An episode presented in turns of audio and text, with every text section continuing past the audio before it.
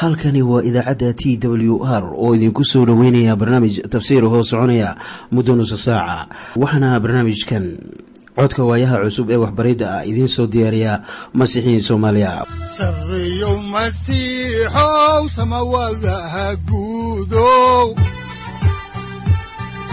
Siraadkii adduunkow subanaha eebow sareyow masiixow samawadaha guudow siraadkii adduunkow subanaha eebow adigoo jiro ifkaan soo saldhiganba adigoo soo saldhiganba kutubtiisanaye udanogu saaciiday sharxin sifahaaga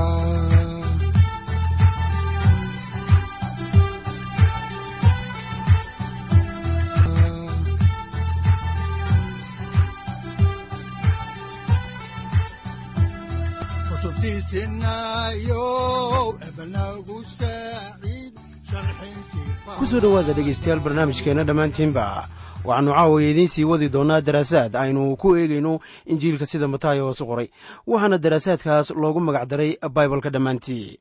Waxaannu macluumaad idinka siinaynaa ahamiyadda injiilka sida mataayo hoosu qoray. Waxaannu caawiya idin bilaabi doonnaa axdiga cusub injiilka sida mataayo hoosu qoray cutubka saddexaad.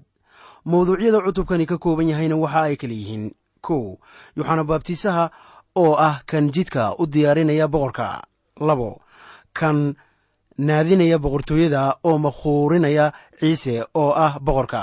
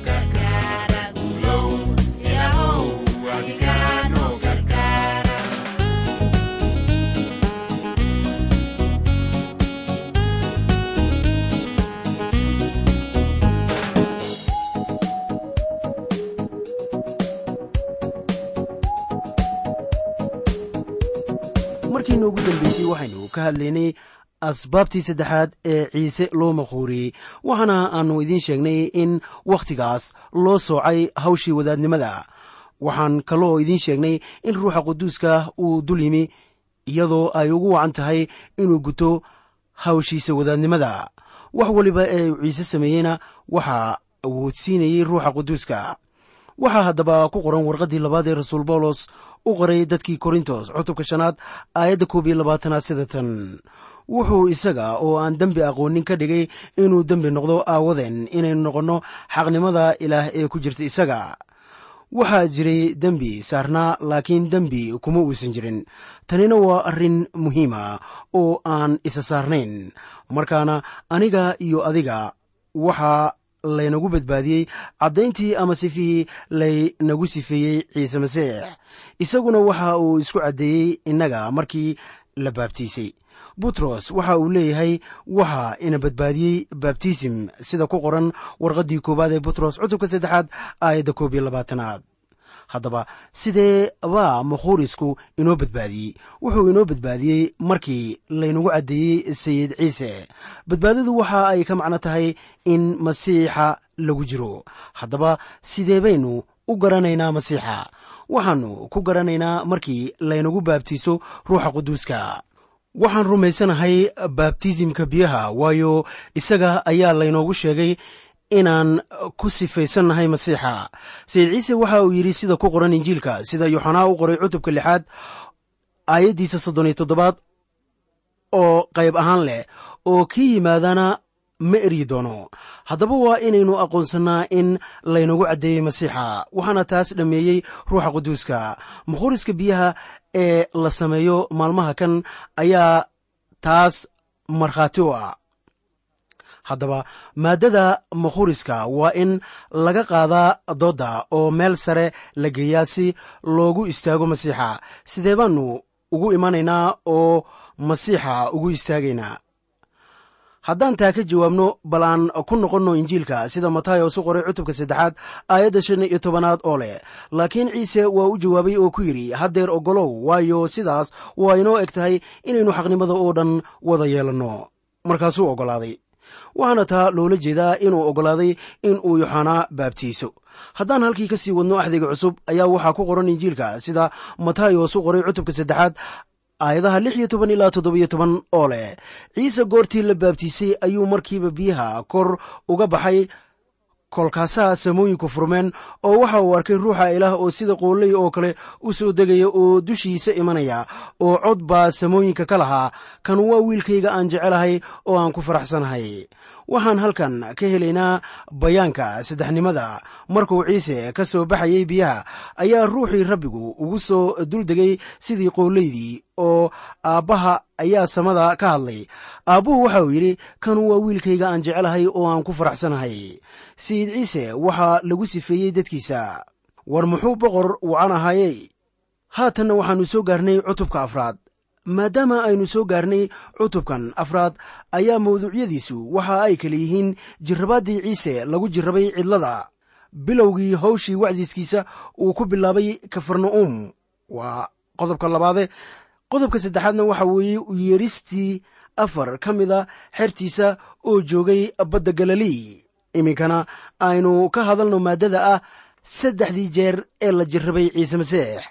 Aynu horay u sii ambaqaadno dhaqdhaqaaqa ka socda kitaabka ama injiilkan matayos.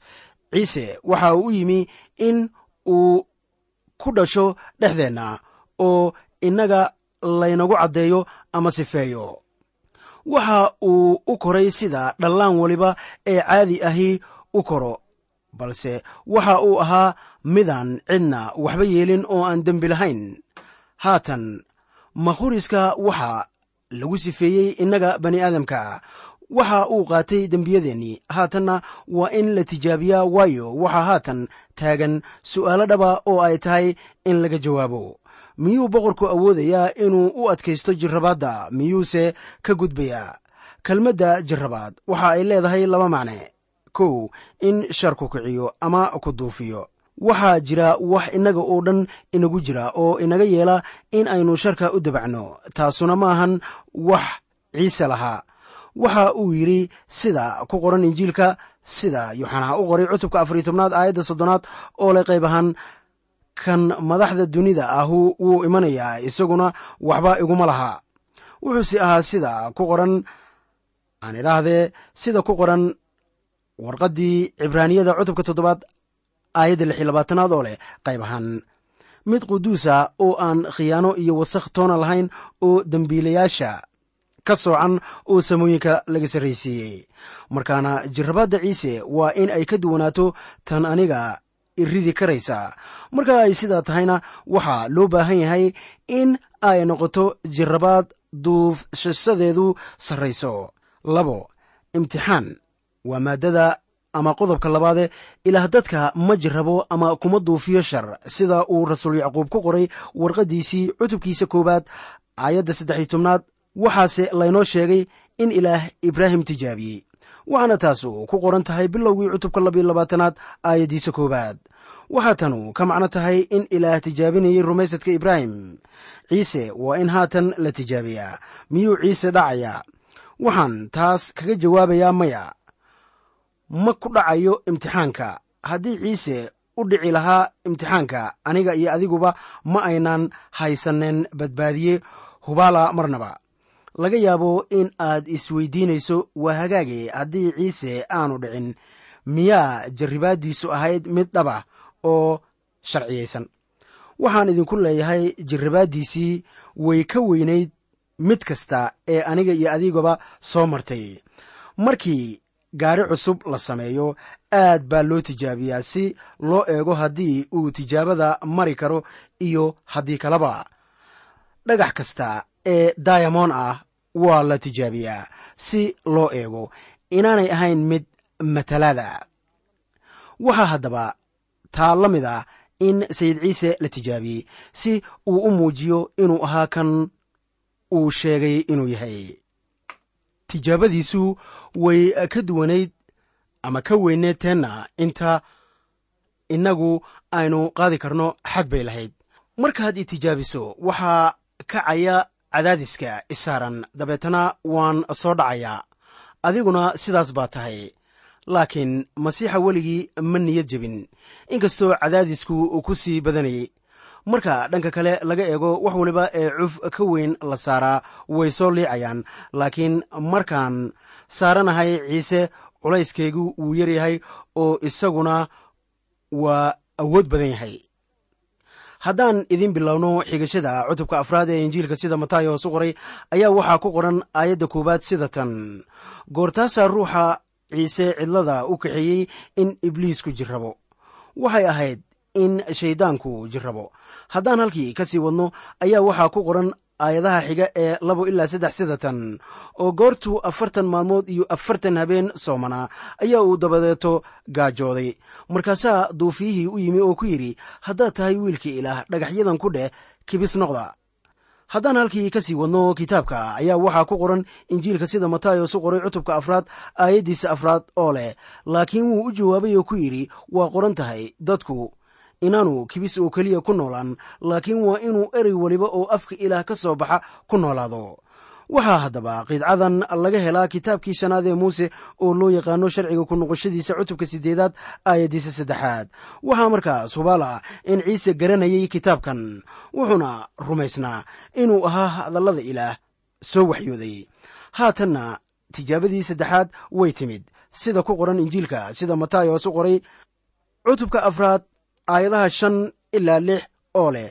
Markaasaa ibliisku magaaladii quduuska ahayd geeyey wuxuuna saaray munaaraddii macbudka oo ku yidhi haddaad tahay wiilka ilaah hoos isku tuur waayo waa qoran tahay malaa'igahiisa ayaa uu ku amri doonaa oo gacmahooda ayaa ay sare kugu qaban doonaan inaanay cagtaadu dhagax ku dhicin. Ibliisku waxa uu soo xiganayay zabuurka kow iyo sagaashanaad aayadaha koob iyo toban ilaa labayo toban. Inkastoo aanu si saxiixa u soo xiganin haatan tanu waxa weeye jirrabaad xagga ruuxa ah. Xaawana waxay ahayd inay midhaha u aragtay inay ahaayeen kuwo loo doonayo in caqli lagu yeesho. Waa kuwii shayddaanku uu ku duufiyey ee masiixiyiinta taasu waxay u tahay kibirka nolosha haddaan halkii ka sii wadno waxaa ku qoran injiilka sida matayos u qoray cutubka afraad aayadda toddobaad sida tan.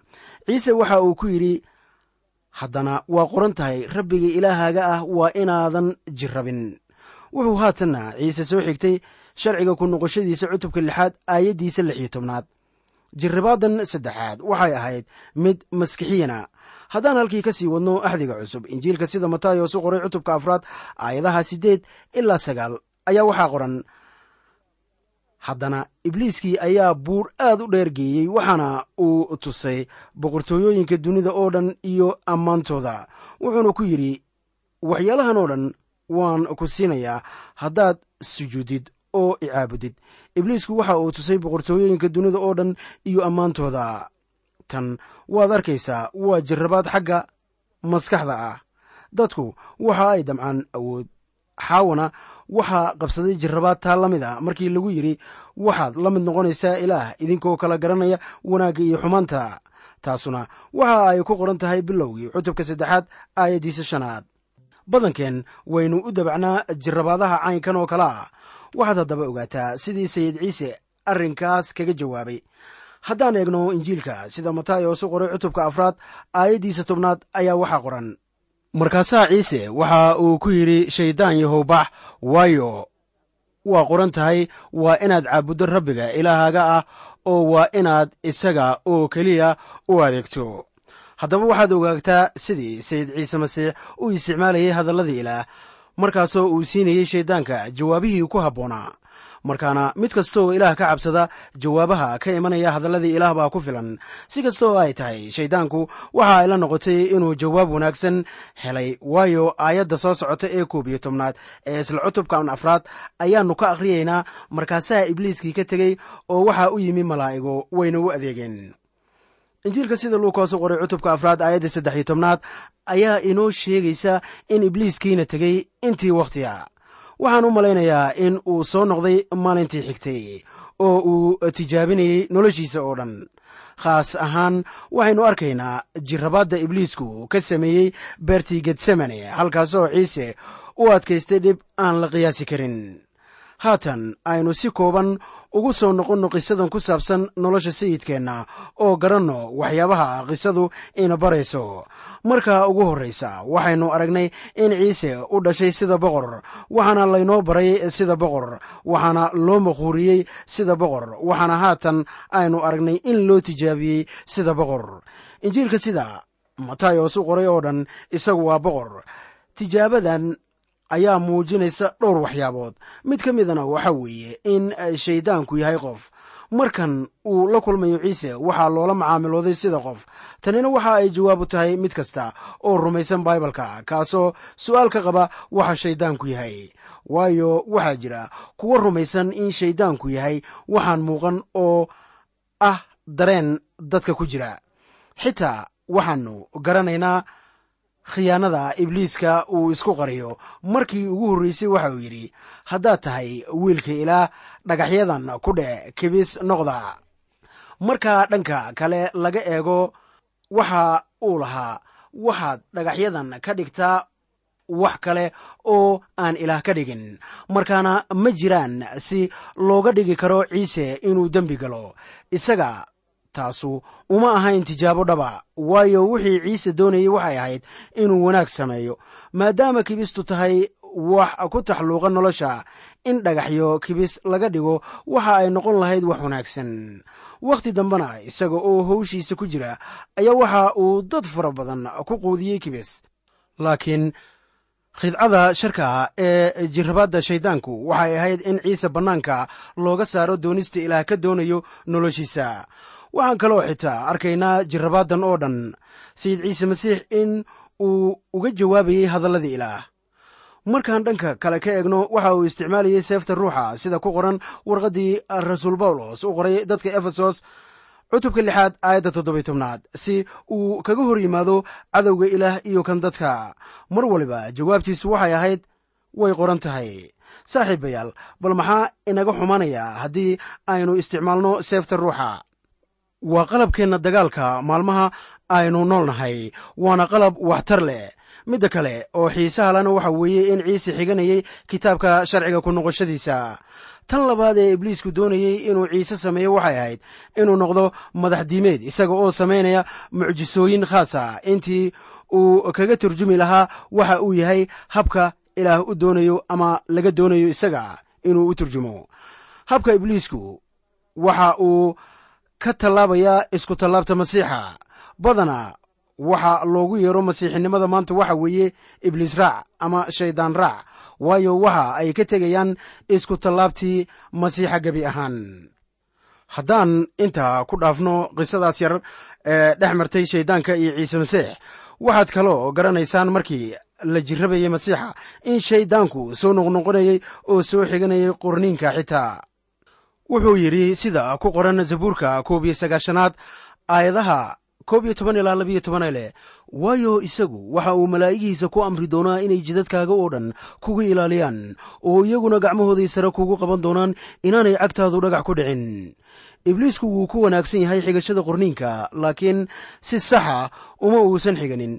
Ninkii caanka ku ahaa suugaanta ingiriiska ayaa mar yidhi shayddaanku waxa uu xariif ku yahay xigashada qorniinka isaga oo taa u yeelaya danihiisa laakiin dabcan shayddaanku si khaldan buu u xigtaa qorniinka isaga oo eeganaya danihiisa.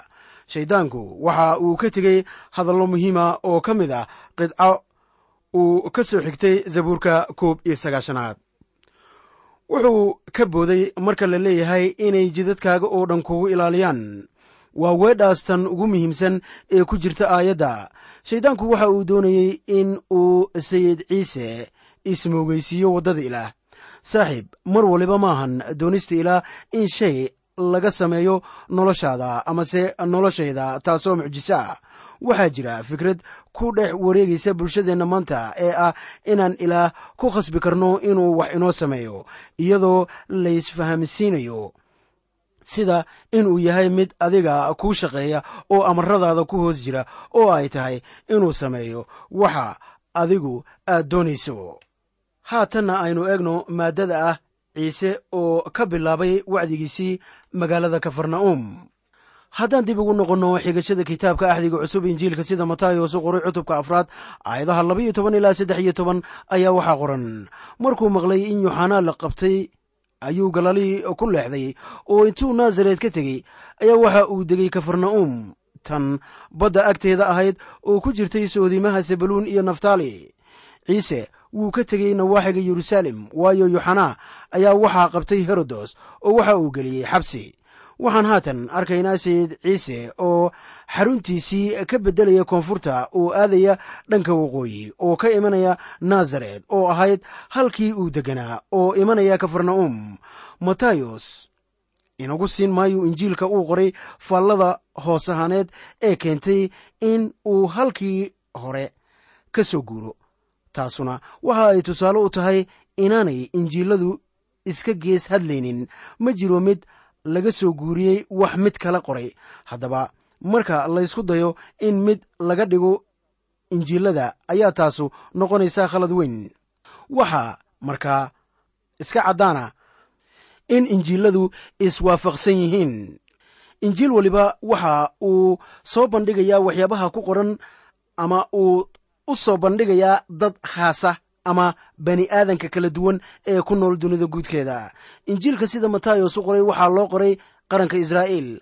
Dabcan waxaa lagu qoray af cibraani sababtaas aawadeed papias iyo yusibas oo ahaa odayaasha kiniisadda iyo kuwii kale ee wakhtigaas noolaa ayaa sheegaya in injiilka sida matayos u qoray uu ku qornaa af cibraani inkastoo injiilka sida matayos u qoray uusan faallo ka bixinaynin wixii keenay in sayidku u soo guuro magaalada kafarna'um. Waxaynu ka baranaynaa injiilada kale in ciise ay diideen dadkii magaaladiisa. Kafarna'um waxa ay noqotay xaruntiisa oo weliba xarun bay u ahayd ilaa iyo wakhti dheer. Ilaa laga soo gaaray wakhtigii uu yeruusaalem ku soo noqon lahaa oo ahayd wakhtigii ugu dambeeyey ee la qudbi lahaa. Injiilka sida matayos u qoray waxa uu ina siin doonaa asbaabta uu kaga tegey xaruntiisii ku tiilay nasaret oo uu u aaday kafarna'um. Injiilada kale taas inoo sheegi maayaan laakiin matayos waxa uu tan u qoray si uu inoogu muujiyo wax kasta ee uu sayid ciise sameeyey inay ahayd kaamilidda waxyiyadii ku qornaa kitaabka axdigii hore. Haddaan ku noqonno kitaabka axdiga cusub injiilka sida matayos u qoray cutubka afraad aayadaha afar iyo toban ilaa lix iyo toban ayaa waxaa qoran inay noqoto wixii nebi isayos lagaga dhex hadlay isaga oo leh dhulka zabaluun iyo dhulka naftaali xagga jidka badda webi urdun shishadiisa galalii qurumaha ka mid ah dadkii fadhiyi jiray gudcurka ayaa iftiin weyn arkay. Kuwii fadhiyi jiray dalka iyo hooska dhimashadana iftiin baa u baxay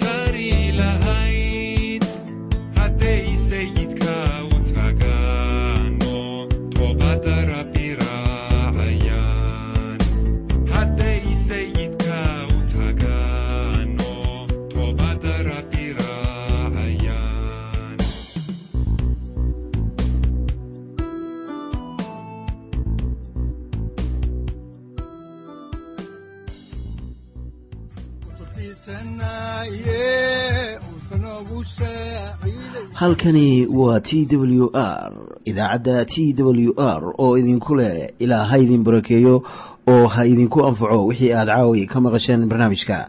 Waxaa barnaamijkan oo kalaa maqli doontaan habeen dambe hadahan oo kale haddiise aad doonaysaan in aad fikirkiina ka dhiibataan wixii aad caawi maqasheen ayaad nagala soo xiriiri kartaan som t w r at t w r c o k e dhegaystayaal haddii aad doonaysaan inaad mar kale dhegaysataan barnaamijka fadlan mar kale booqo www t t b o r g ama www t w r o r g halka sare waxaad ku arkaysaa markii aad gasho language ama luuqadda waxaana dooranaysaa soomaali.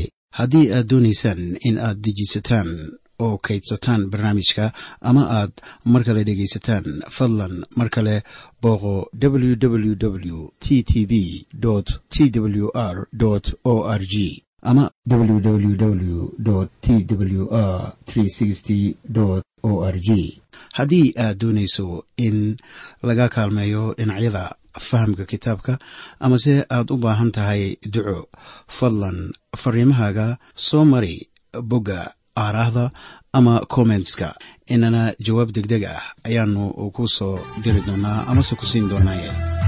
Sarreyow masiixow salula wihiyow